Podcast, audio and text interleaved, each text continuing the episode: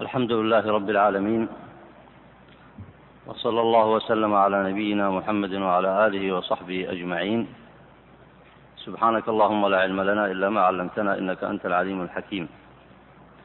أيها الإخوة الفضلاء السلام عليكم ورحمة الله وبركاته.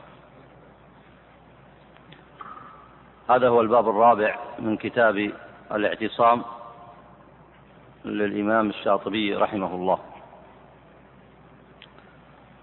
وهذا الباب جعله المصنف في مأخذ أهل البدع بالاستدلال.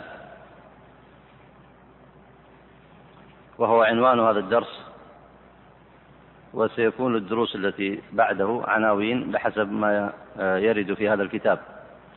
لكن عنوان هذا الفصل عنوان شامل. ويقصد به المصنف كيف يتعامل أهل البدع والأهواء مع أصول الفقه. وأنتم تعلمون أن لأهل السنة والجماعة أصولا يستنبطون بها الأحكام ويتعرفون بها على حكم الله سبحانه وتعالى. فالمصنف هنا يشير إلى أن الذين خالفوا أهل السنة والجماعة وخالفوا ما كان عليه النبي عليه الصلاة والسلام وأصحابه وبدلوا في الشرائع وانحرفوا عن أحكام الشريعة الإسلامية وبدلوا فيها وغيروا وأدخلوا العقائد الفاسدة على الأمة هؤلاء لهم مسلك ومنهج في التفكير. وسيشير إليه المصنف هنا وسيذكر له مسائل كثيرة. وإذا سألتكم بادئ ذي بدء ما هو منهج أهل السنة؟ في استنباط الأحكام. من يذكر الجواب على هذا السؤال؟ تفضل. أحسنت. أصولهم الأربعة المشهورة الكتاب والسنة والإجماع والقياس. وقد سبق معكم الكلام على هذه الأصول.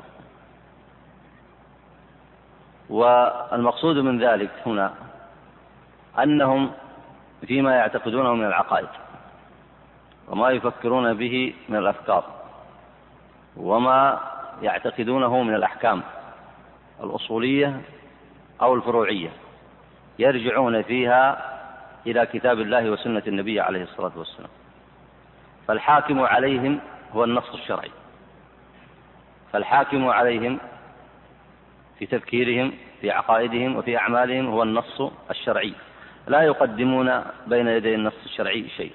لا من عرف ولا من عادة ولا من هوى ولا شيئا من أحكام البشر.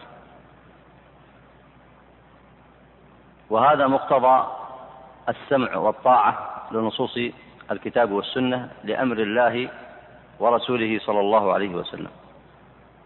ثم فيما يفهمونه من خلال هذه النصوص يفهمونه بلغة العرب التي كان النبي عليه الصلاة والسلام وأصحابه يفهمون بها لغة الكتاب والسنة.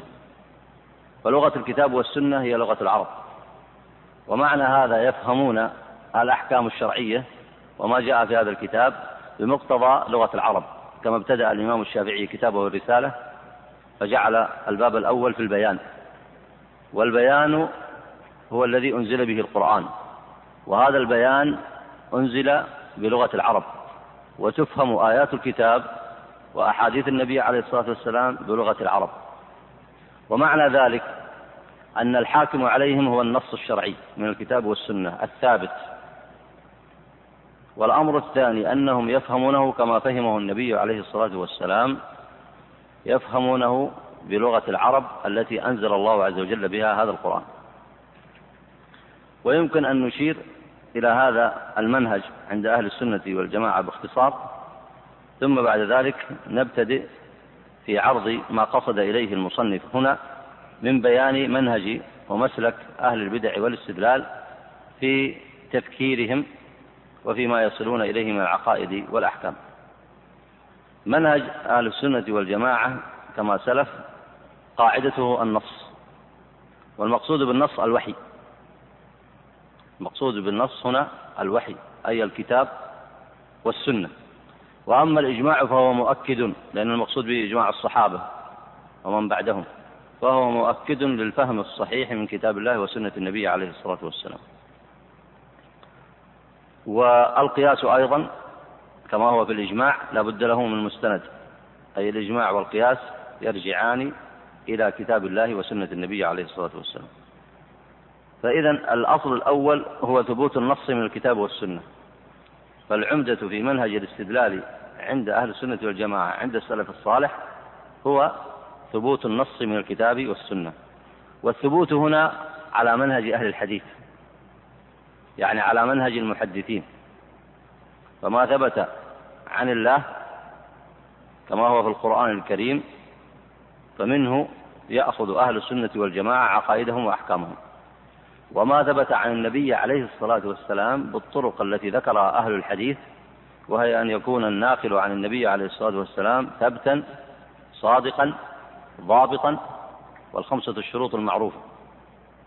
الخمسة الشروط في نقل الحديث وألا يكون فيه شذوذ ولا علة إذا ثبت ذلك العدالة والاتصال والضبط وألا يكون في السند شذوذ ولا علة فإذا ثبت من ذلك فمنه يأخذون دينهم لأنه هو قول نبينا صلى الله عليه وسلم. أما فهم هذا النص لأنه قد يسأل أحدكم يقول هذا في ثبوت النص فكيف يفهم النص؟ يفهم النص باللغة التي نزل بها باللغة التي نزل بها بلا تبديل ولا تحريف ولا تعطيل يفهم بلغة العرب. وعلى هذا فالنصوص بالنسبة لطالب العلم والمتعلم والعالم فإما أن يكون النص مجمل فلا بد له من بيان فلا بد له من بيان فيبين بما هو معروف في لغة العرب وتبينه نصوص الشريعة. وإما أن يكون عام فتخصصه نصوص الشريعة فالعمل إذن في كل الأحوال بمقتضى النص الشرعي الثابت ويفهم كما فهمه النبي عليه الصلاة والسلام وأصحابه أي بلغة العرب التي أنزل الله عز وجل بها هذا القرآن.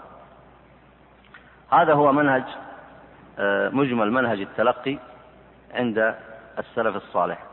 النتيجة لهذا المنهج أنهم يتعرفون على الاعتقاد الصحيح ويتعرفون على الأحكام الشرعية في جميع الأحوال سواء في المسائل المتجددة التي تستجد لهم في حياتهم أو في جميع المسائل الفروعية المذكورة والمستنبطة من كتاب الله وسنة نبيه صلى الله عليه وسلم. فنتيجة هذا المنهج الاعتقاد والعمل.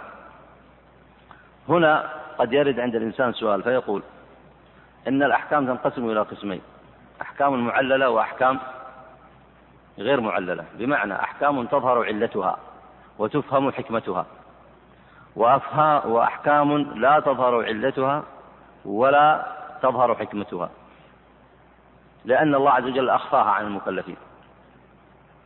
وأضرب لكم مثالا الوضوء قد يقول قائل حكمته الطهارة المعنوية والحسية النظافة التيمم ماذا يقول القائل فيه؟ هل حكمة التيمم ظاهرة؟ حكمة التيمم هل هي ظاهرة؟ وهي يستبيح الإنسان بها الصلاة كما يستبيح بها المتوضئ الصلاة أليس كذلك؟ وكذلك في إزالة الحدث الأكبر يغتسل الإنسان.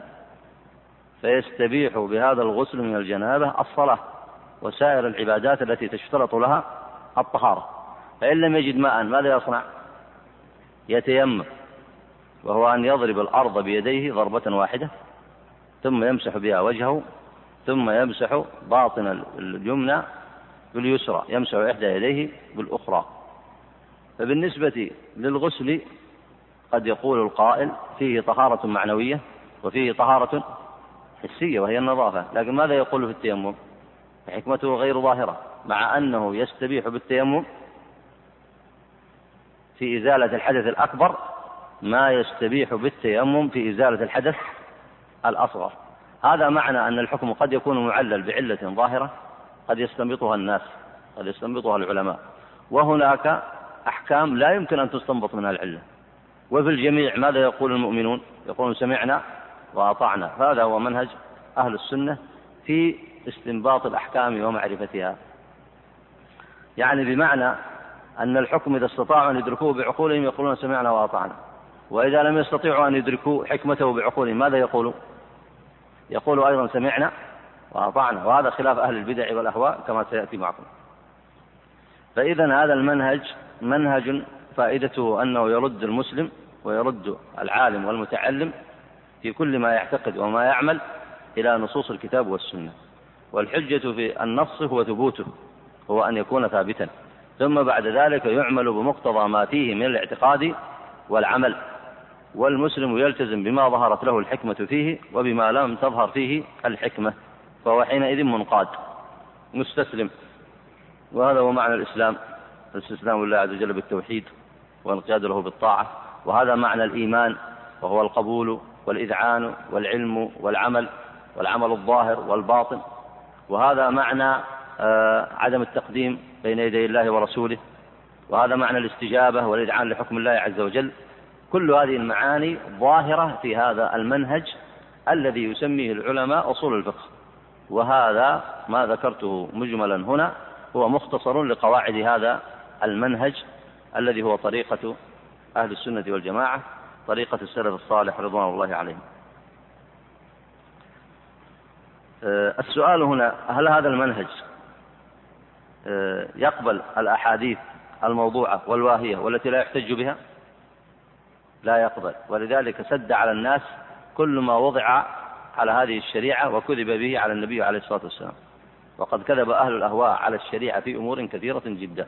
سيأتي معكم أمثلة كثيرة في هذا الباب الذي يذكره المصنف. الأمر الثاني هل هذا المنهج يقبل الجدل والفلسفة وترك العمل وكثرة الاعتراضات والاحتمالات على الشريعة؟ لا يقبل هذا المنهج وأساس منهج أهل البدع والأهواء كثرة الجدل والاحتمالات والاعتراض على نصوص الشريعة والتقديم عليها. فإذا هذا المنهج عند أهل السنة منهج متميز. ولاحظوا هنا أنه منهج عمل ومنهج اعتقاد وكذلك منهج تفكير. يعني كيف تفكر أنت؟ من أين تأخذ عقائدك؟ من أين تأخذ العقيدة الصحيحة؟ من أين تأخذ الأحكام؟ كيف توجه نفسك بمنهج؟ وهو الارتباط بالكتاب والسنة. كيف ترتبط بالكتاب والسنة؟ هذا منهج تفكيري. يعني كيف ترتبط بهذا الكتاب وبهذه السنة ارتباطا صحيحا؟ بالنسبة لمنهج أهل الأهواء الذي سيتكلم عنه المصنف نبتدئ الآن في قراءة ما ذكره المصنف ثم نقارن بين هذا المنهج الذي ذكرته لكم مجملا من منهج أهل السنة ونقارن به ما يخالفه من منهج أهل الأهواء. اقرأ بارك الله فيك. واحد منكم يقرأ.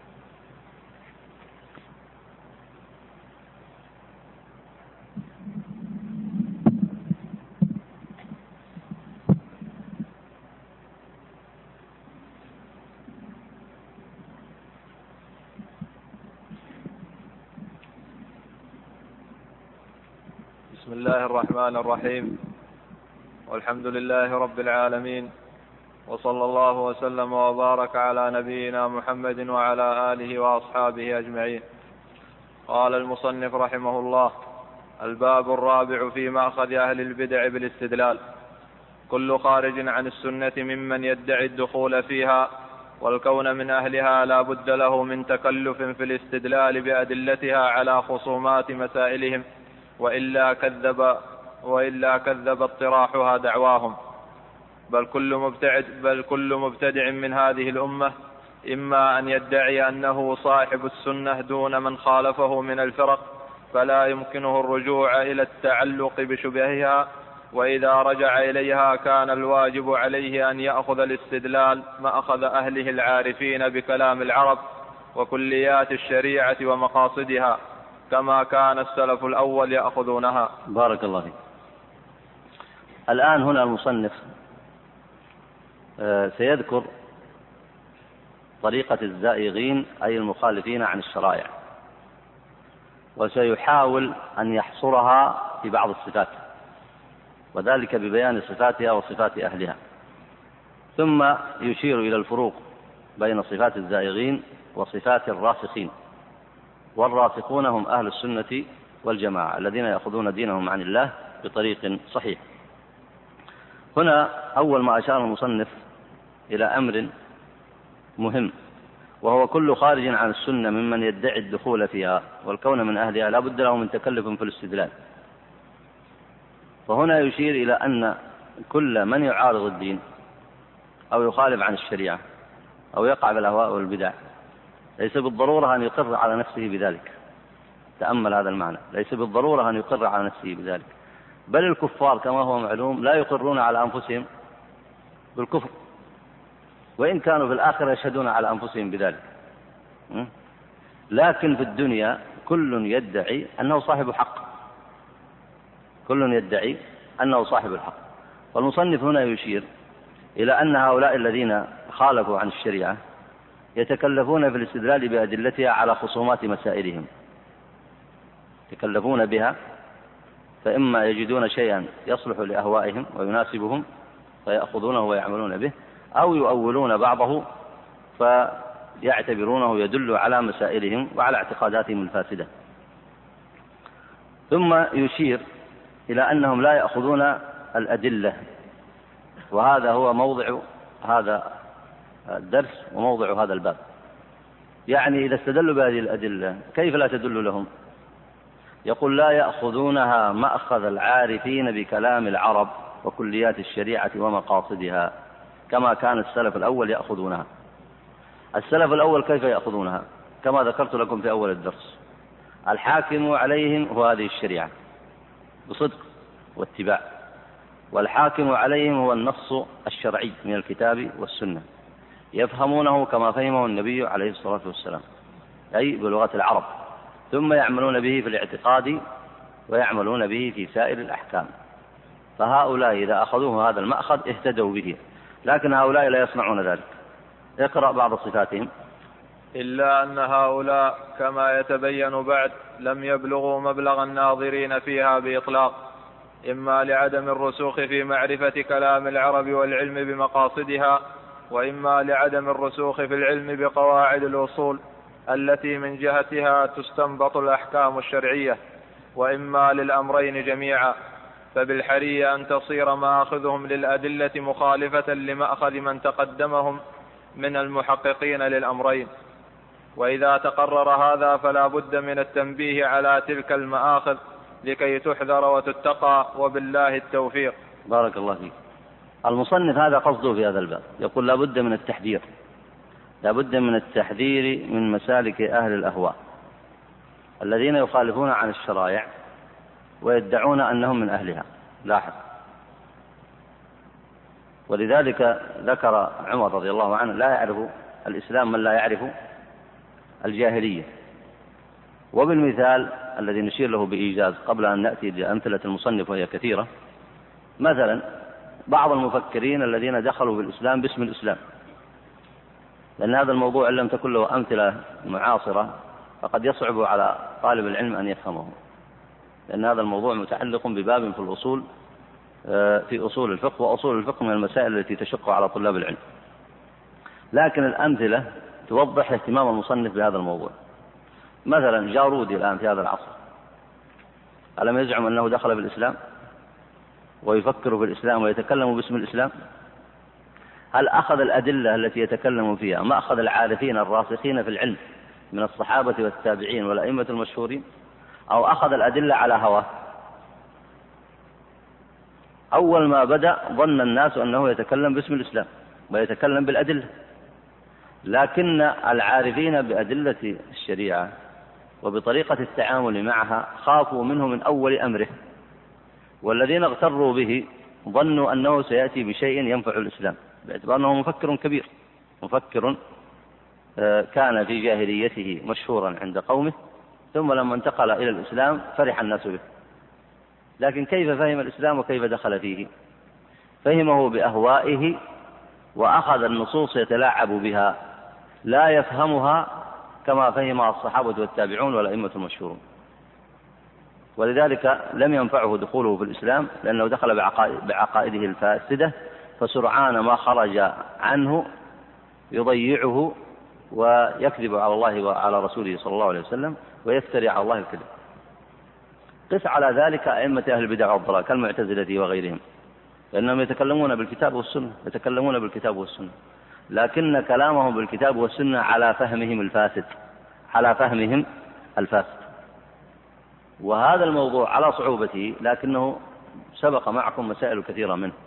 ولعلكم تذكرون كيف استدل النصارى بزعمهم بالكتاب على أن عيسى إله مع الله. من يذكر شبهتهم؟ تفضل. إنهم يقولون في القرآن خلقنا رزقنا فقالوا يعني الإله ليس واحد وإنما هم أي نعم. جاءوا للألفاظ التي في القرآن كقول الله عز وجل خلقنا وجعلنا وأنشأنا فقالوا هذا كلام مجموع كلام جماعة ليس كلام واحد. وهذا يدل على أن الإله مكون من جماعة من ثلاثة. وهؤلاء يقولون هذا القول لأنهم لا يعرفون لغة العرب. ولاحظ المصنف هنا يعني لا يجرون في الاستنباط على ما جرى عليه السلف وليسوا عارفين بكلام العرب. كلام العرب في أنشأنا وجمعنا ليس بالضرورة يقتضي الجماعة. فقد يقول الإنسان عن نفسه يتكلم بصفة بلفظ الجمع وهو يقصد الواحد كأن يقول الإنسان عن, عن نفسه صنعنا وجعلنا وفعلنا وهذا أمر كثير ومما يوضح من الأمثلة أيضا أن بعض فرق الضلال يجيزون نكاح التسع ويقولون أنكحوا ما طاب لكم من النساء مثنى وثلاثة ورباع. فيقولون مثنى اثنتين. وثلاث كم صارت؟ خمس. ورباع كم صارت؟ تسع. لكن ما يعرفون لغة العرب لأن لغة العرب هذا معدول به عن اثنين وعن ثلاثة وعن أربعة. يعني أنكحوا ما شئتم اثنين اثنين أو ثلاثة ثلاثة أو أربعا أربعة. هذا معنى لغة العرب. فإذا جاءوا فاستدلوا هو يستدل بظاهر في النص. يعني لو جاء لأعجمي ما يعرف لغة العرب. لو جاء رجل ضال لأعجمي فتلا عليه الآية وقال ثلاث وأربع تسع. يصدقه ولا ما يصدقه؟ يصدقه أو لا؟ أعجم ما يعرف لغة العرب. فهم يأخذون الأدلة بغير لغة العرب. والظاهر أنه يتكلم بالأدلة كذا ولا لا؟ ومن هنا لا بد لطلاب العلم من الصبر على العلم.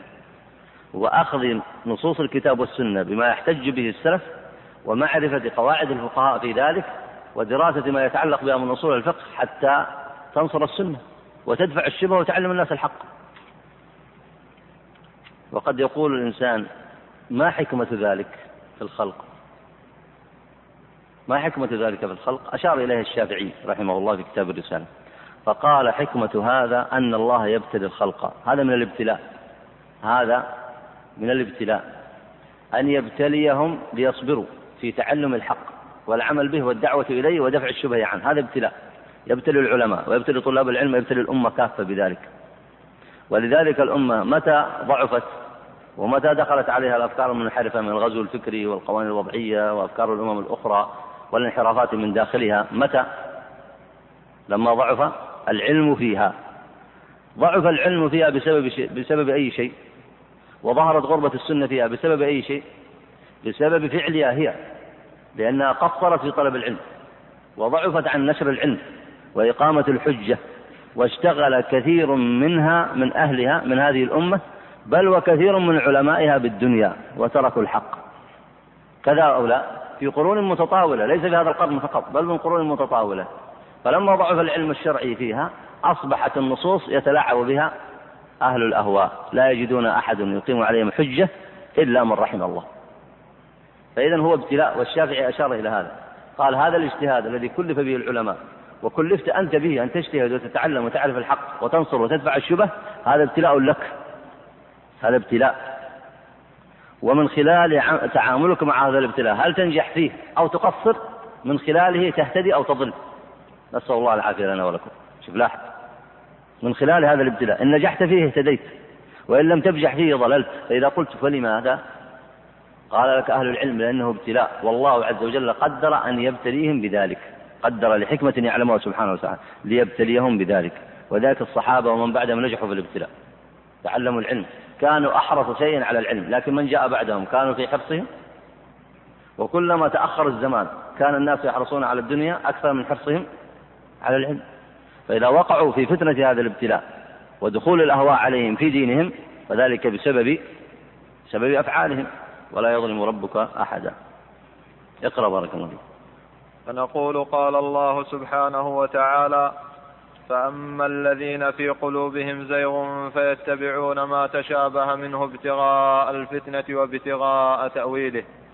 وذلك أن هذه الآية شملت قسمين هما أصل المشي على طريق الصواب أو على طريق الخطأ. هنا المصنف سيؤكد أهمية هذا الموضوع. يقول هذا الاهتمام بهذا الموضوع نهتم به لماذا؟ لأن القرآن اهتم به. لاحظ. هذا دليله نهتم بهذا الموضوع لماذا؟ لأن القرآن اهتم به فأتاك بالدليل جاءك بالدليل. قال كيف اهتم القرآن به؟ قال انظر في الآية فإن الله فرق بين الراسخين في العلم وبين الزائغين. إي نعم. اقرأ أحدهما الراسخون في العلم وهم الثابت الأقدام في علم الشريعة ولما كان ذلك متعذرا إلا على من حصل الأمرين المتقدمين. لم يكن بد من المعرفة بهما معا على حسب ما تعطيه المنة الإنسانية وإذ ذاك يطلق عليه أنه راسخ في العلم ومقتضى الآية مدحه فهو إذا أهل للهداية والاستنباط. وحين خص أهل الزيغ باتباع المتشابه دل التخصيص على أن الراسخين لا يتبعونه فإذا لا يتبعون إلا المحكم وهو أم الكتاب ومعظمه. طيب. هذا الكلام واضح فيما يظهر لي وقد مضى معكم. الراسخون هم الذين يتبعون الكتاب والسنة ولا يقدمون ما اشتبه عليهم من الفهم ومن أهوائهم لأن الإنسان لا يخلو من الهوى. يعني الرغبة أنه يريد الأمر أن يكون كذلك لكن قبل ما يقرر ما يريده برغبته هو ينظر للشرع ماذا يريد. فإذا رأى أن حكم الشرع هو يطابق ما كان يريد فليحمد الله. وإن كان رأى أنه لا يطابق ما كان يريد ماذا يصنع؟ يتبع ماذا؟ يتبع الشرع ويترك ما يريد. فيكون هواك تبعا لماذا؟ تبعا للشرع والحاكم عليك هو الشرع. الزائغون وأهل الأهواء والمخالفون عن الشرائع لا يصنعون ذلك. ينظر فيما يريد. فإن كان الشرع قد وافق عليه فرح بذلك. لكن يقصد اتباع ما يريد وما يهوى ولا يقصد عبادة الله؟ تنظر في سلوكه الباقي فهو يدل لك على ذلك.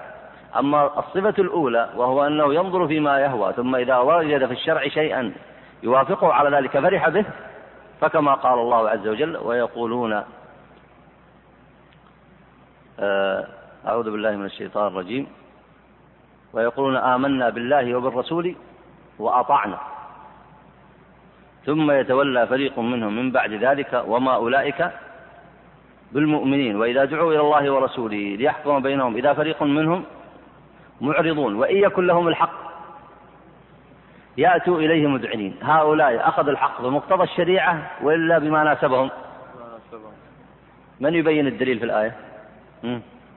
على أنهم أخذوا الحق لأنه يناسبهم لا لأنه حكم الله. ها؟ أحسنت. لما دعوا إلى الله ورسوله أبوا. أعرضوا. ها. وإذا كان الحق لهم. إذا كان الحكم الشرعي يحقق لهم مصلحة ذاتية ماذا يصنعون؟ يذعنون. لاحظ هنا. فإذا اتباعهم للشرع في هذه المسألة. اتباع للحق الذي يريده الله أو اتباع لرغباتهم. اتباعهم لرغباتهم. يدل على ذلك أنهم في الأحكام التي لا تناسبهم تجدهم معرضين. فهنا الراسخ في العلم المتبع للسنة لا يصنع ذلك. إن كان الحكم الشرعي كان مساعدا له ومطابقا لما يرغب فيه قال الحمد لله. وإن كان مخالفا لهواه قدم الحكم الشرعي على على هواه. ولذلك سمي راسخا في العلم. وأما الثاني فوصفه هنا بالزيغ باتباع المتشابه. إيش يترتب على هذا في هذا الموضوع الذي ذكره المصنف؟ يترتب على هذا أن الأمة أن أهل السنة والجماعة عزلوا أهل الأهواء الذين يصنعون الصنيع الثاني. وما كانوا يصدقونهم ولا يثقون بهم. تأمل هذا. الذين لا يأتون للحق إلا إذا كان في مصلحتهم ويعرضون عنه. إذا كان لا يحقق مصالحهم الدنيوية هؤلاء الأمة لم تثق بهم. لاحظوا وعلماء السنة لم يثقوا بهم. ماذا صنعوا فيهم؟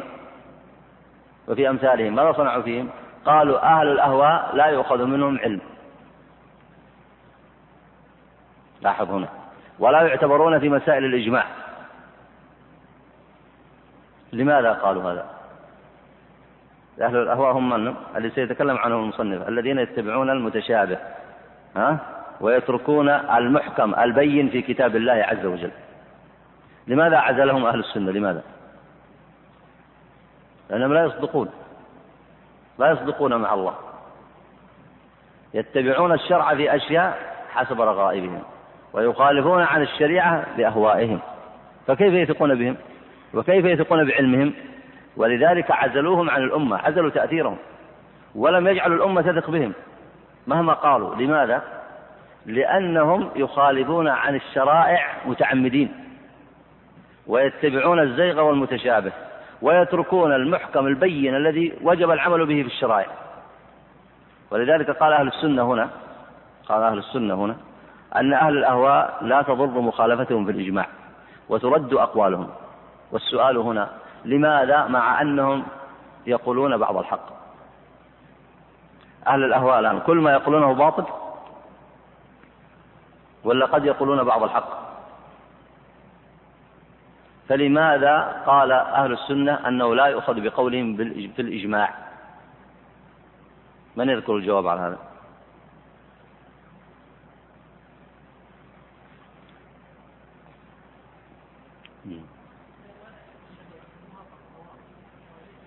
أي نعم لأنهم لا يؤمنون حينئذ.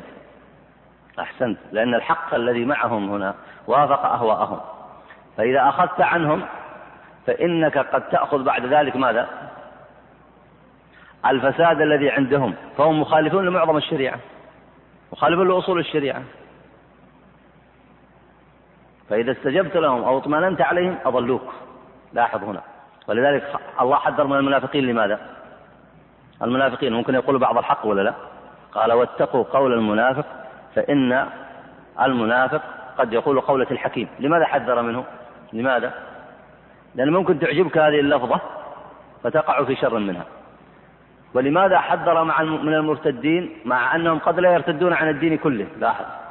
قد يرتدون عن بعض الدين. لماذا حذر منهم؟ حتى لا يوقع الأمة في الضلالة. وكذلك حذر من أهل الأهواء وهؤلاء كلهم أهل أهواء حذر منهم لكي لا تقع الأمة في أفكارهم المنحرفة وفي ضلالاتهم. فتأمل هذا المعنى. وهذا الفرق بين منهج الراسخين وهم أهل السنة ومن صار على طريق الصحابة من السلف ومن بعدهم الذين كانوا أهل صدق ووفاء. الصحابة رضوان الله عليهم كانوا يعملون بمقتضى النصوص الشرعية بالاعتقاد الصحيح يعملون بالأحكام يطبقون الشرائع يصدقون مع الله عز وجل ويتبعون النبي عليه الصلاة والسلام. لا يدخلون منهج تفكيري فاسد عليهم جدلي فلسفي ولا يأتون بشرائع مخالفة للشريعة الإسلامية يدخلونها على هذه الشريعة ولا يتلاعبون بالنصوص الشرعية ولا آه، ويعزلون المنافقين عن التأثير في هذه الأمة ويجمعون الناس على كتاب الله وسنة رسوله صلى الله عليه وسلم بصدق والتزام في الظاهر والباطن. هؤلاء هم الراسخون. لاحظ هنا هؤلاء هم الراسخون. لما قصرت الأمة في اتباع منهجهم وبدأت تخالف عنه بدرجات وقعت في في ماذا؟ في براثن الزائغين. لاحظ. وقعت في شر الزائغين. نسأل الله العافية. أي نعم. وكل دليل خاص أو عام أو عام شهد له معظم الشريعة فهو الدليل الصحيح وما سواه فاسد إذ ليس بين الصحيح والفاسد واسطة في الأدلة يستند إليها. إذ لو كان ثم ثالث لنصت عليه الآية. المناسب هنا أن يقول المصنف المناسب ما دام استدل بالآية السابقة لأن الآية السابقة وذكر بعضها وأولها قول الله تعالى آه، هو الذي أنزل عليك الكتاب منه آيات محكمات. هو الذي أنزل عليك الكتاب منه آيات محكمات وأخر متشابهات. فأم نعم؟ هن أحسنت. هن أم الكتاب. هو الذي أنزل عليك الكتاب منه آيات محكمات. هن أم الكتاب وأخر متشابهات. فأما الذين في قلوبهم زيغ فيتبعون ما تشابه منه ابتغاء الفتنة وابتغاء تأويله. هذه الآية التي وردها المصنف هنا. المناسب أن يقول بعدها ما دام الكلام حول هذه الآية الصحيح أن يقول فالمحكم هو أصل في الاستنباط. وعليه معظم أدلة الشريعة. ما دام هو الأكثر عليه معظم أدلة الشريعة. فالمحكم هو أصل في الاستنباط وعليه معظم أدلة الشريعة. والمتشابه يرد إليه. متشابه الذي يشتبه عليك فهمه ترد إلى المحكم. إن علمته وإن لم تعلمه تسأل أهل العلم عنه. إي نعم. ثم لما خص الزائغون بكونهم يتبعون المتشابه أيضا علم أن الراسخين لا يتبعونه. فإن تأولوه فبالرد إلى المحكم بأن أمكن حمله على المحكم بمقتضى القواعد. فهذا المتشابه الإضافي لا الحقيقي. وليس في الآية نص على حكمه بالنسبة إلى الراسخين. فليرجع عندهم إلى المحكم الذي هو أم الكتاب. يعني هذا شأن الراسخين في العلم والرسوخ معناه الثبات. رسوخ معناه الثبات. وإنما يتعلمون العلم على بصيرة. ويتعلمون العلم على منهج السلف الصالح. فتأمل هنا. يقول هنا قد يجد الإنسان متشابها إضافي. متشابها إضافي بالنسبة لك. يعني إضافي بالنسبة لك. يشتبه عليك. هذا لفظ مأخوذ من المشتبه. وهو الذي أشار إليه ابن كثير عند تفسير هذه الآية. فأشار من معنى المتشابه أن يشتبه اللفظ أن يشتبه على المجتهد. أو على العالم أو الناظر. أو المتعلم يشتبه عليك معنى هذا لا يقتضي أنه مشتبه على كل أحد. كما أنك إذا جهلت معنى شرعيا هل يقتضي أن الناس يجهلونه؟ أو غيرك يجهله؟ فهذا المتشابه عندك ماذا تصنع به؟ ترده إلى المحكم إن عرفته. وإن لم تعرفه تسأل عنه. فعلى, فعلى كلا الحالين الحاكم عليك ما هو؟ والعلم. الحاكم عليك هو العلم بكتاب الله وسنة النبي عليه الصلاة والسلام. فإن عرفته رددت ما اشتبه عليك إلى المحكم البين الظاهر. وإن لم تعرفه رددته إلى من؟ إلى من يعرفه؟ فسألت عن المحكم واتبعته. الحقيقي هو المتشابه اللي لا يمكن فهمه. مثل ما أطلق بعض السلف على بعض المتشابه مثلا قالوا مثلا علم وقوع الساعة من المتشابه؟ هذا ما يمكن أن يعرف. ولم يطلب ولم يطلب الشرع منك معرفته. فما لم يمكن معرفته بحال مثل بعض المسائل المتعلقة بعلم الساعة مثلا متى تكون؟ الساعة معروفة معروفة أوصافها ومعروف أنها لا بد أن تقع ومعروف ما يتعلق بها بالاعتقاد لكن ليس معروف متى تقع. فهو ليس من العلم الذي آه، يطلب من الإنسان أن يعرفه. فلعله يشير بقول هذا لا المتشابه الحقيقي. اي نعم. وإن لم يتأولوه فبناء على أنه متشابه حقيقي فيقابلونه بالتسليم وقولهم آمنا به كل من عند ربنا وهؤلاء هم أولو الألباب. اي نعم. التأويل كما سبق معكم معناه في الآية التفسير. معناه في الآية التفسير. وهناك معنى آخر وهو معرفة ما يؤول إليه الأمر.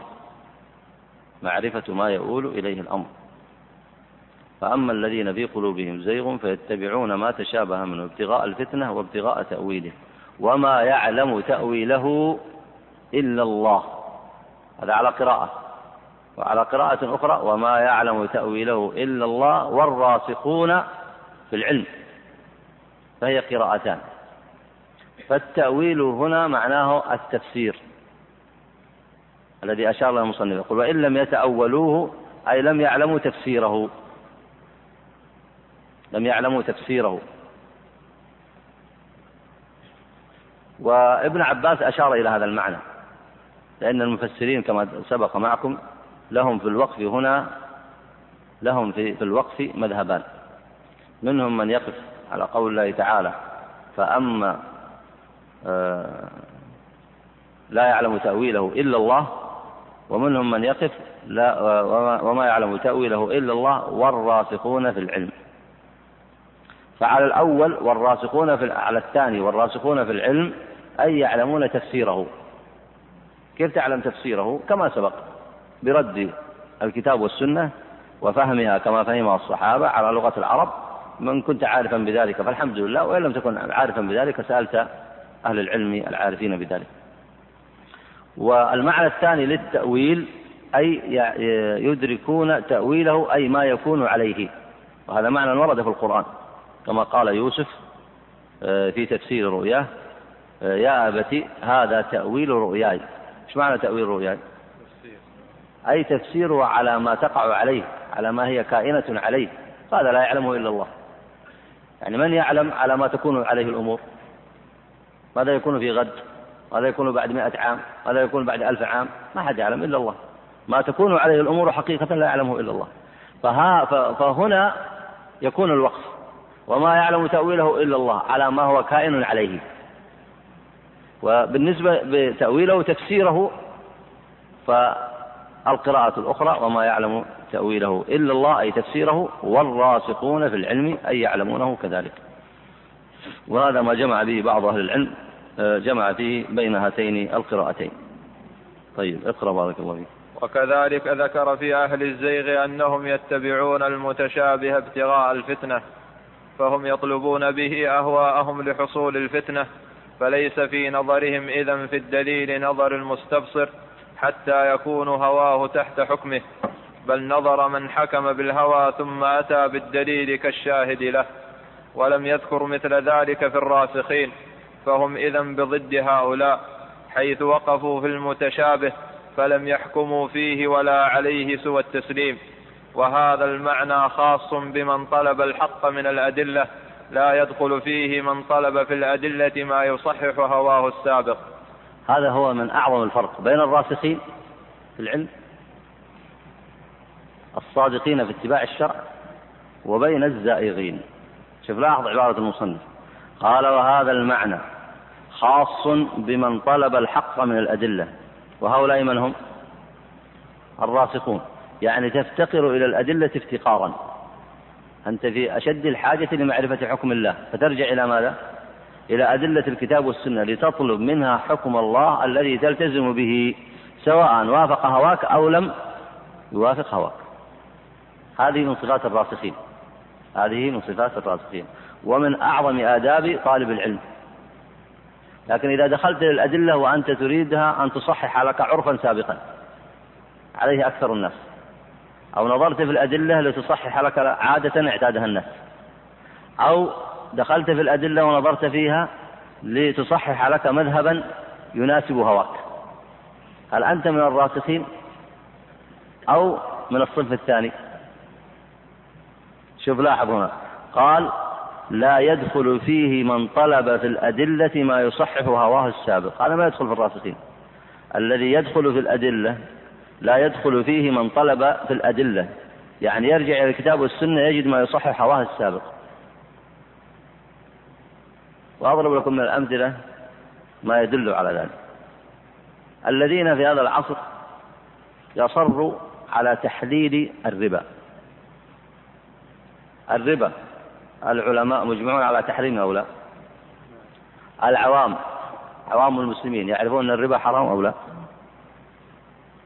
روح يسأل كثير من من من من كبار السن لأنه سمع وعرف أن الربا حرام. كيف تحايل عليه من أحله؟ حتى تعرف الآن كيف تفكر؟ وكيف تحذر من الزائغين؟ كيف تضبط منهجك في التفكير؟ أنت إذا أردت أن تعرف حكم الربا تدخل للأدلة وأنت عندك رغبة في تصحيح الربا وإلا تدخل في الأدلة وتبحثها وأنت تريد أن تعرف ما هو حكم الله. فإن كان حكم الله هو التحريم فنعم فالتحريم فتنتهي. وإن كان عمل أكثر الناس على الربا لاحظت فأنت لا تتبع عرفا ولا عادة ولا تقليدا. وإن كنت دخلت في الأدلة لتجيز الربا فإنك تستطيع أن تلعب بالأدلة وتسيقها وتسوقها إلى هواك. فالأول منهج الراسخين المتأدبين مع الشرائع والثاني منهج الزائغين. ماذا يصنع الزائغون؟ الراسخون طبعا ينظر في قول الله تعالى في النهي عن الربا وتحريمه يا أيها الذين آمنوا لا تأكلوا الربا وما آتيتم من ربا ليربو في أموال الناس فلا يربو عند الله. وقول النبي عليه الصلاة والسلام درهم الربا أشد من ست وثلاثين زنية. الأدلة صريحة في تحريمه وهي كثيرة جدا. الزائغ ماذا يصنع؟ اللي له رغبة في تحليل الربا لكن ما ما يريد يقول أنا أحلل الربا وأصادم الشرع. لأن ما ما كل إنسان يصف نفسه بالضلالة جهارا. فهو يريد يحلل الربا ويدعي أنه يستعمل الأدلة اللي أنت تستعملها. وهذا الخطر على الأمة في هذا العصر. لاحظ. لذلك حق على طلاب العلم أن يصبروا على العلم. للتعلم لإزالة الشبه التي تلعب بالعقول. فجاء مثلا الذين حللوه. قالوا الربا الحرام هو الكثير. إذا جئت وأخذت مثلا 20% ربا. 50% ربا هذا الحرام.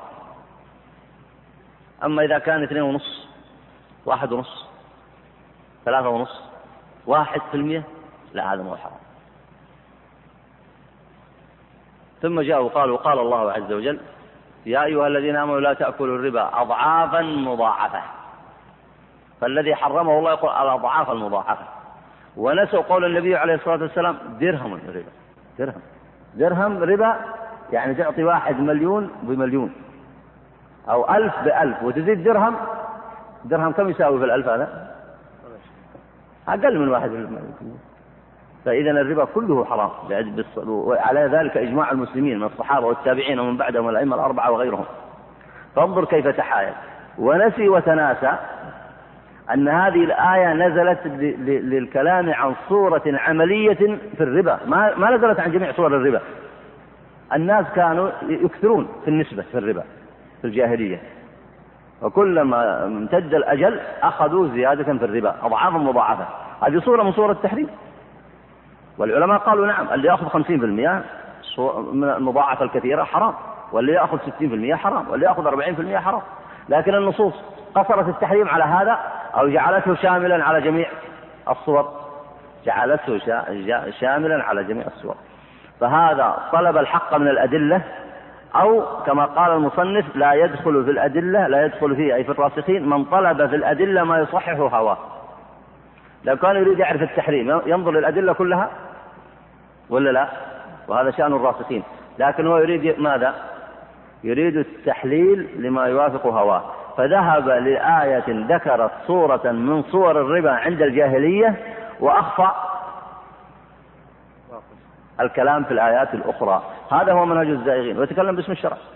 ويتكلم باسم الشرع والعياذ بالله. إي نعم. والعياذ بالله من الفتنة وهو اللعب بالنصوص الشرعية. من الأمثلة الجزئية أيضا التي تبين مقصد المصنف هنا كان أحد الناس يستفتي. هذا مثال جزئي. طبعا وأخف ضرر من هذا. طبعا هناك أمثلة أيضا في العقائد ستأتي معكم. لكن المقصود بالمثال هو التنبيه على المعنى. ليس المقصود بالانتقاء ذات المثال الأمثلة كثيرة عندكم أمثلة في العقائد وسيأتي مع معكم أمثلة في أصول الأحكام. لكن المقصود بالمثال هو التنبيه. هذا المثال الآخر الذي نذكره لمجرد التنبيه. وإلا فإن الخطر فيه أقل من غيره. أحد الحجاج عمل محظورا من محظورات الإحرام. جاء لإنسان يسأله لعالم يسأله فسأله فقال علي دم في هذا أم لا؟ طبعا المفروض يفتيه بماذا؟ يفتيه بما يرى أنه الراجح بدون التفصيل. ما ينبغي التفصيل للعوام في بعض المسائل لأنهم لا يستطيعون أن يدركونها. لا يستطيعون أن يدركوها. المهم سأله قال عند الإمام الشافعي عليك دم. عند الإمام الفلاني عليك دم. عند الإمام الفلاني ما عليك دم. قال وقف هنا بس.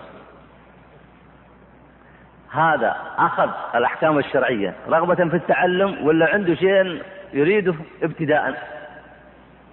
هكذا يصنع الزائغون. وإن كان هذا ليس من الزيغ هذا فيه نوع من المخالفة الشرعية. لكن هكذا يصنع يصنع الزائغون في العقائد وفي أصول الأحكام. ابتداء له رغبة. شوف سأل السؤال الأول. قال عند الإمام الفلاني عليك دم؟ فهو جالس ما يريد يعرف الأدلة. قال دليله كذا. ما يسمع. الدليل ما يسمعه. هو ينتظر رقم اثنين وش يقول. فلما وصل إن فلان ما عليك دم قال بس وقف. يعني ما يهم اللي جبته من أول من الأدلة ولا يهم العلم اللي تبي تجيبه بعد ذلك. هذا كله ما يهمني. أنا يهمني هذا القصد الذي في نفسي لاحظت؟ فهذا قس بهذا المثال كل من يتعامل مع الشريعة ويتلاعب بأحكامها. لاحظ. قس على هذا المثال الجزئي المثال الذي قبله وما يرد من المصنف. يعني المكلف ابتداء ما عنده استعداد للالتزام بالحكم الشرعي ولا يريد العقيدة الصحيحة. عنده هوى سابق في ذهنه ما يريد يتعبد إلى الله عنده أهواء سابقة. يسمع الكلام يسمع الأدلة لكن ينظر فيما يلتبس من الأدلة فكأنه يوافق هواه. ثم ماذا يصنع؟ يأخذ به.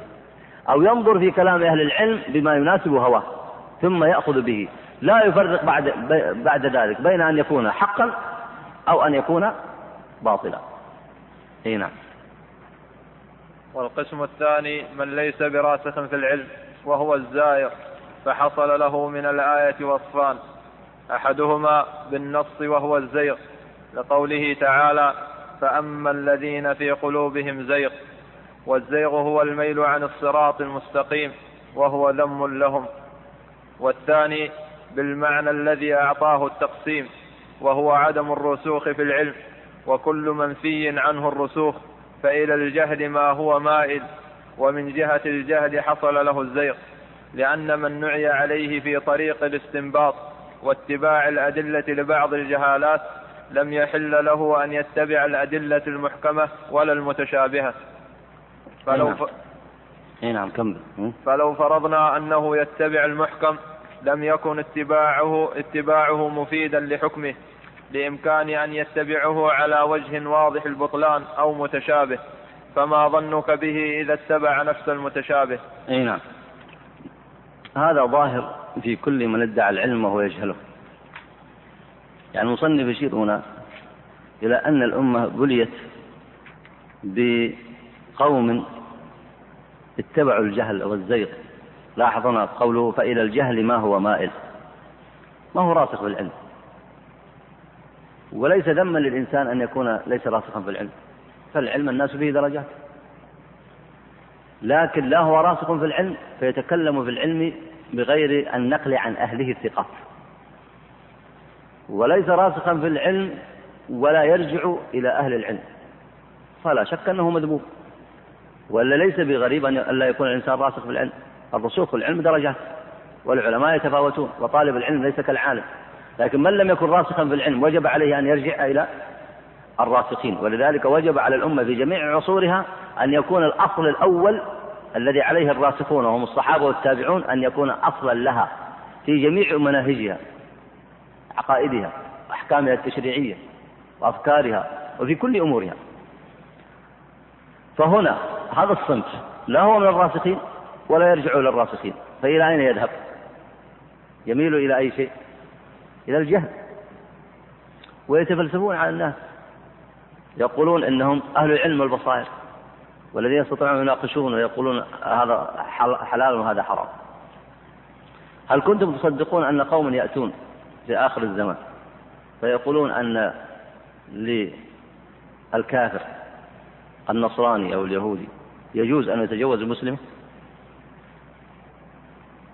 هل كان أحد يصدق أن قوما يصنعون ذلك يدعونه؟ هذا يكتب على رؤوس الناس.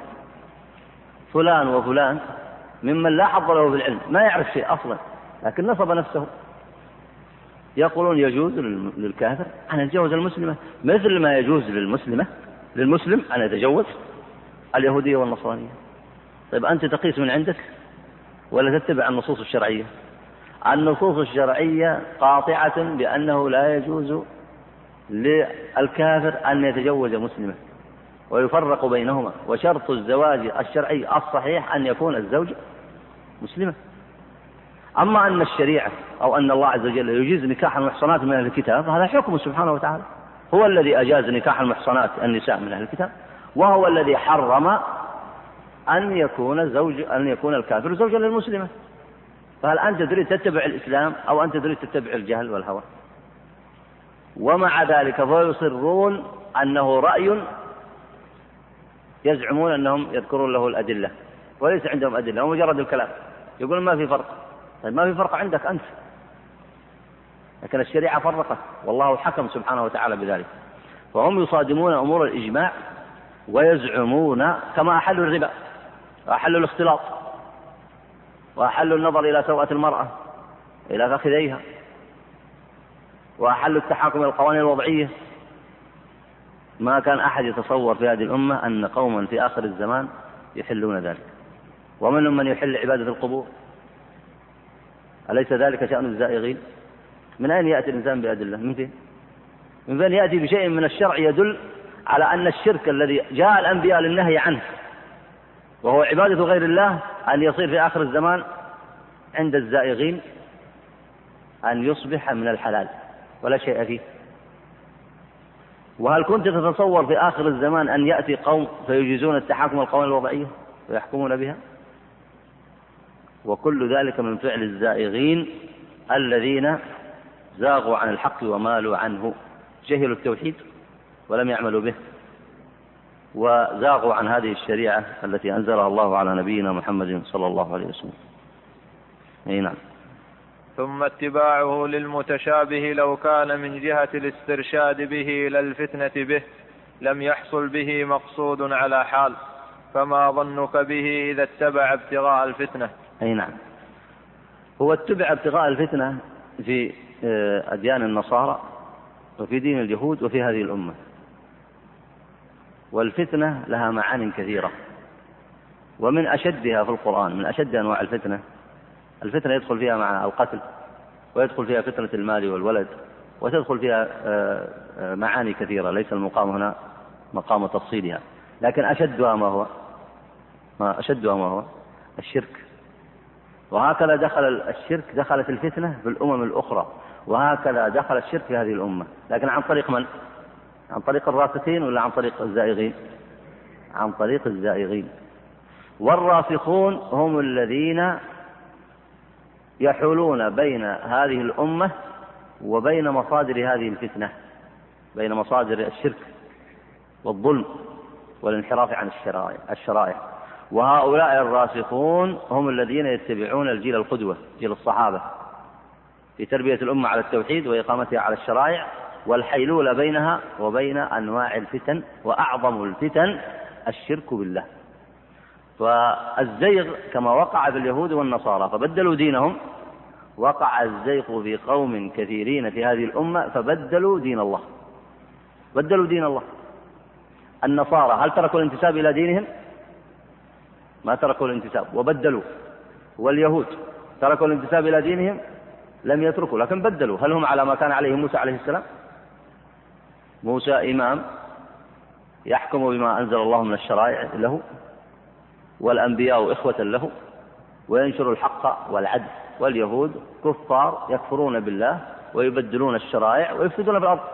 فأين هم من موسى؟ ومع ذلك ينتسبون إليه. والنصارى يصنعون كذلك. بدلوا دينهم وشرائعهم وزاغوا. وزاغوا. وهم ينتسبون إلى الكتاب. لما جاء وفد نجران إلى النبي عليه الصلاة والسلام ماذا قالوا؟ قالوا ما تدعون إليه من التوحيد ونبذ عبادة عيسى ما نقبل ذلك. ويحتجون على الرسول بقول الله جمعنا وخلقنا في القرآن. يتبعون الزيغ والمتشابه هؤلاء. لكن لما جاءت المحجة القوية فقال النبي عليه الصلاة والسلام أباهلكم على أن عيسى عبد لله وليس إلها مع الله.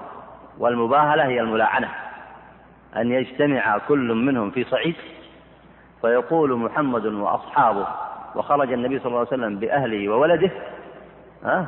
فيقول لعنة الله على الكاذبين أن يمحقهم الله محقا ويخرج النصارى وفد نجران بمن معهم فيقولون إن كان ما نعتقده هو الحق في أن عيسى إله مع الله فنحن على الحق وإن كنا كاذبين فيمحقنا الله محقا وهي اللعنة عليهم.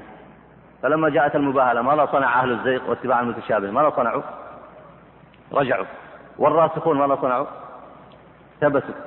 فلما جاء النبي صلى الله عليه وسلم ليباهلهم رجعوا إلى أساقفتهم فقال لهم أساقفتهم والله إنكم لتعلمون أن محمدا على حق. وإنكم إن باهلتموه اليوم هلكتم جميعا. فماذا صنع الزائغون؟ رجعوا والراسخون؟ ثبتوا. فهم بدلوا دينهم ويقولون إنهم يتبعون الأدلة الشرعية. وكذلك في هذه الأمة الشرك يستباح في العالم الإسلامي. بأي شيء؟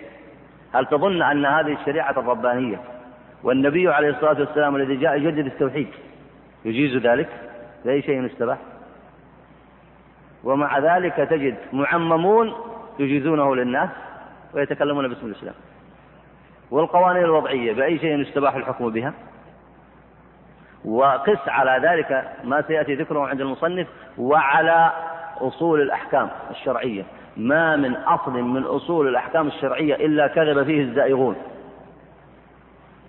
كذب فيه الزائغون. أفتوا بحل الربا. أفتوا بإسقاط الحدود الشرعية. أفتوا بجواز كثير من الفواحش. وفي هذه الأيام يفتون بجواز نكاح المسلمة للكافر. يتكلم باسم الإسلام لأنه مسلم ويتكلم بالأدلة الشرعية. ولذلك حق على طلاب العلم وعلى الدعاة أن يعرفوا أن الخصومة في هذه العصر في هذا العصر في هذه الفترة هي خصومة على الاعتقاد الصحيح وعلى الفكر الصحيح وعلى العلم الصحيح وأن هؤلاء الزائغين المخالفين على الشرائع يكذبون على الله وعلى رسله ويفتنون هذه الأمة عن دينها. وهذه الصورة ليست جديدة في هذه الأمة كما أسلفت وإنما هي في الأمم التي قبلها والتي حذرنا النبي صلى الله عليه وسلم منها. لكن من الذي قبل التحذير؟ القليل. وإلا النبي صلى الله عليه وسلم ماذا قال؟ قال لتتبعن السنن من كان قبلكم. أي في تبديلهم دينهم. هذا المعنى. ما هو تتبعونهم في الأمور المادية؟ لا. لتتبعن السنن من كان قبلكم. حذو القدة بالقدة وحذو النعل بالنعل. لو طابقت النعل بالنعل يتطابقان؟ ولا لا؟ النعل الذي تلبسه يتطابقان أو لا؟ يتطابقان. يقول تصنعون مثل ما صنعوا. والقدة هي الريشة التي توضع على وجه على السهم وهي وهي تقطع في العادة عند الرائش كأختها تماما. فيقول تصنعون مثل ما صنعوا هكذا. فتتبعن سنن من كان قبلكم حذو القدة بالقدة وحذو النعل بالنعل. قالوا من يا رسول الله؟ قالوا أهل الكتاب؟ قال النبي قال قالوا يا رسول الله اليهود والنصارى؟ قال نعم. والمقصود به في الزيغ عن الحق وتبديل الدين. ونسأل الله العافية. إي نعم. اقرأ بارك الله وهك وهكذا المحكم إذا اتبعه ابتغاء الفتنة به فكثيرا ما ترى الجهال يحتجون لأنفسهم بأدلة فاسدة وبأدلة صحيحة اقتصارا بالنظر على دليل ما واطراحا للنظر في غيره من الأدلة الأصولية والفروعية العاضدة لنظره أو المعارضة له. وكثير ممن يدعي العلم يتخذ هذا الطريق مسلكا وربما أفتى بمقتضاه وعمل على وفقه إذا كان له فيه غرض. اي نعم. ولذلك آه، حق على الجميع أن يتذاكروا فيما يجب لله عز وجل من عبادته وحده بلا شريك والإخلاص في عبادته سبحانه وتعالى.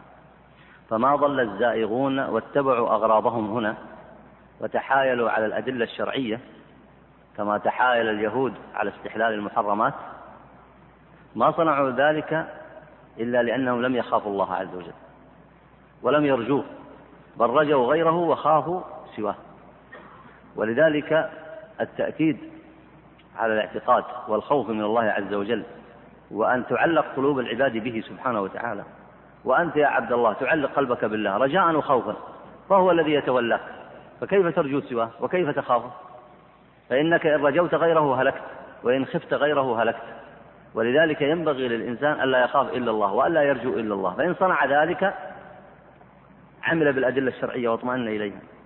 وإن التفت إلى أقوال الناس أو خاف غير الله ورجا غير الله التفت لغير الله. التفت لغير الله. وإلا فإن النفس الأمارة بالسوء بين جنب الإنسان.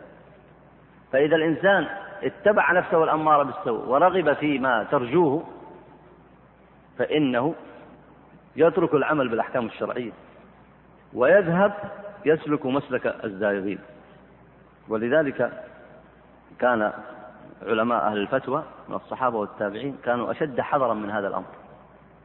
كانوا أشد حذرا في هذا الأمر. وما كانوا يفتون إلا بما يعلمون أنه الحق. فإن لم يعلموا أنه الحق صمتوا وأحالوا الفتوى إلى غيرهم. وكانوا يتحرون نصوص الكتاب والسنة.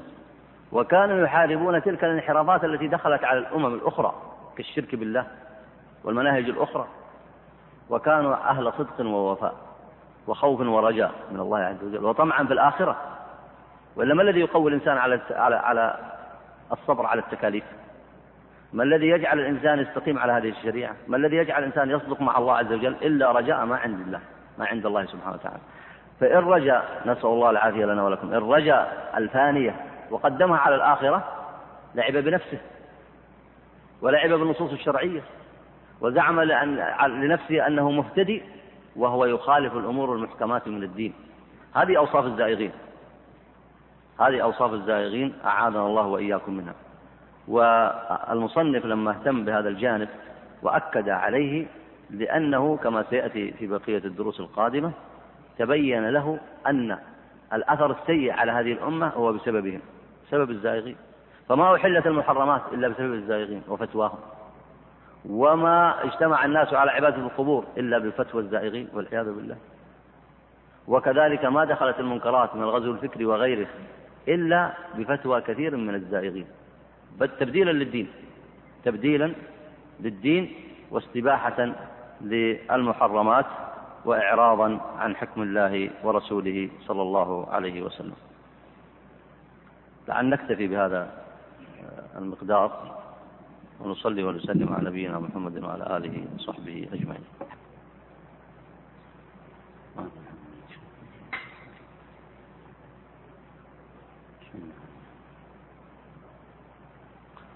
هذا السائل يسأل يقول ما حكم ذهاب السائق والمرأة إلى المدرسة لمسافة قصيرة؟ وما الحكم آه، إذا كان معها أكثر من امرأة؟ الجواب أن الخلوة محرمة والمقصود بالخلوة أن يخلو الرجل بالمرأة فلا يكون إلا هو وهي. هذه خلوة محرمة. فلا تجوز لا في سيارة ولا في بيت لا يجوز أن يخلو الرجل بالمرأة في السيارة كما لا يجوز أن يخلو بها في البيت.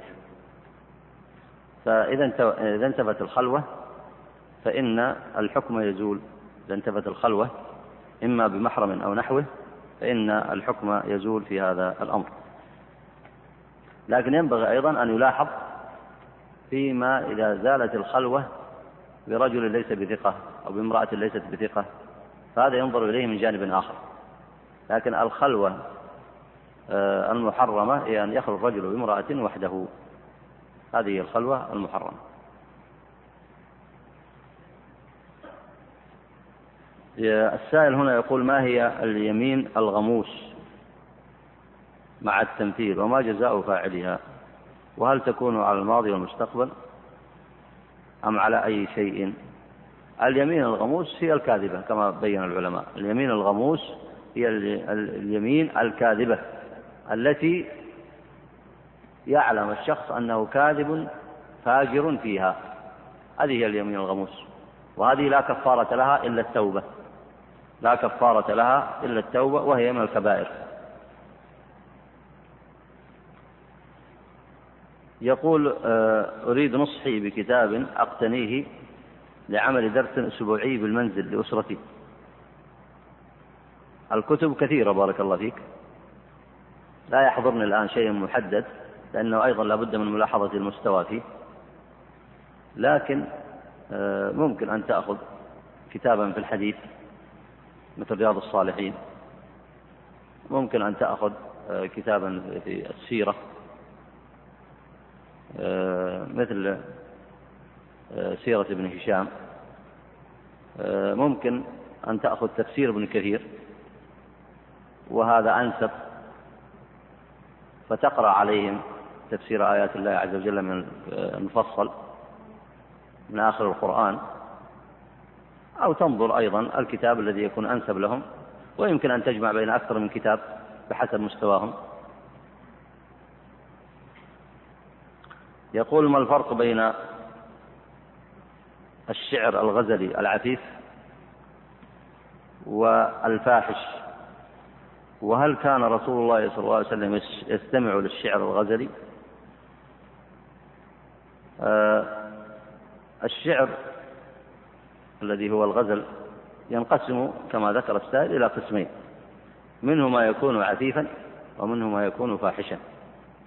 فأما العفيف فقد سمعه النبي عليه الصلاة والسلام. وهو لا يتعلق بالحرمات ولا بأعراض الناس ولا بأوصاف النساء وصفا محرما.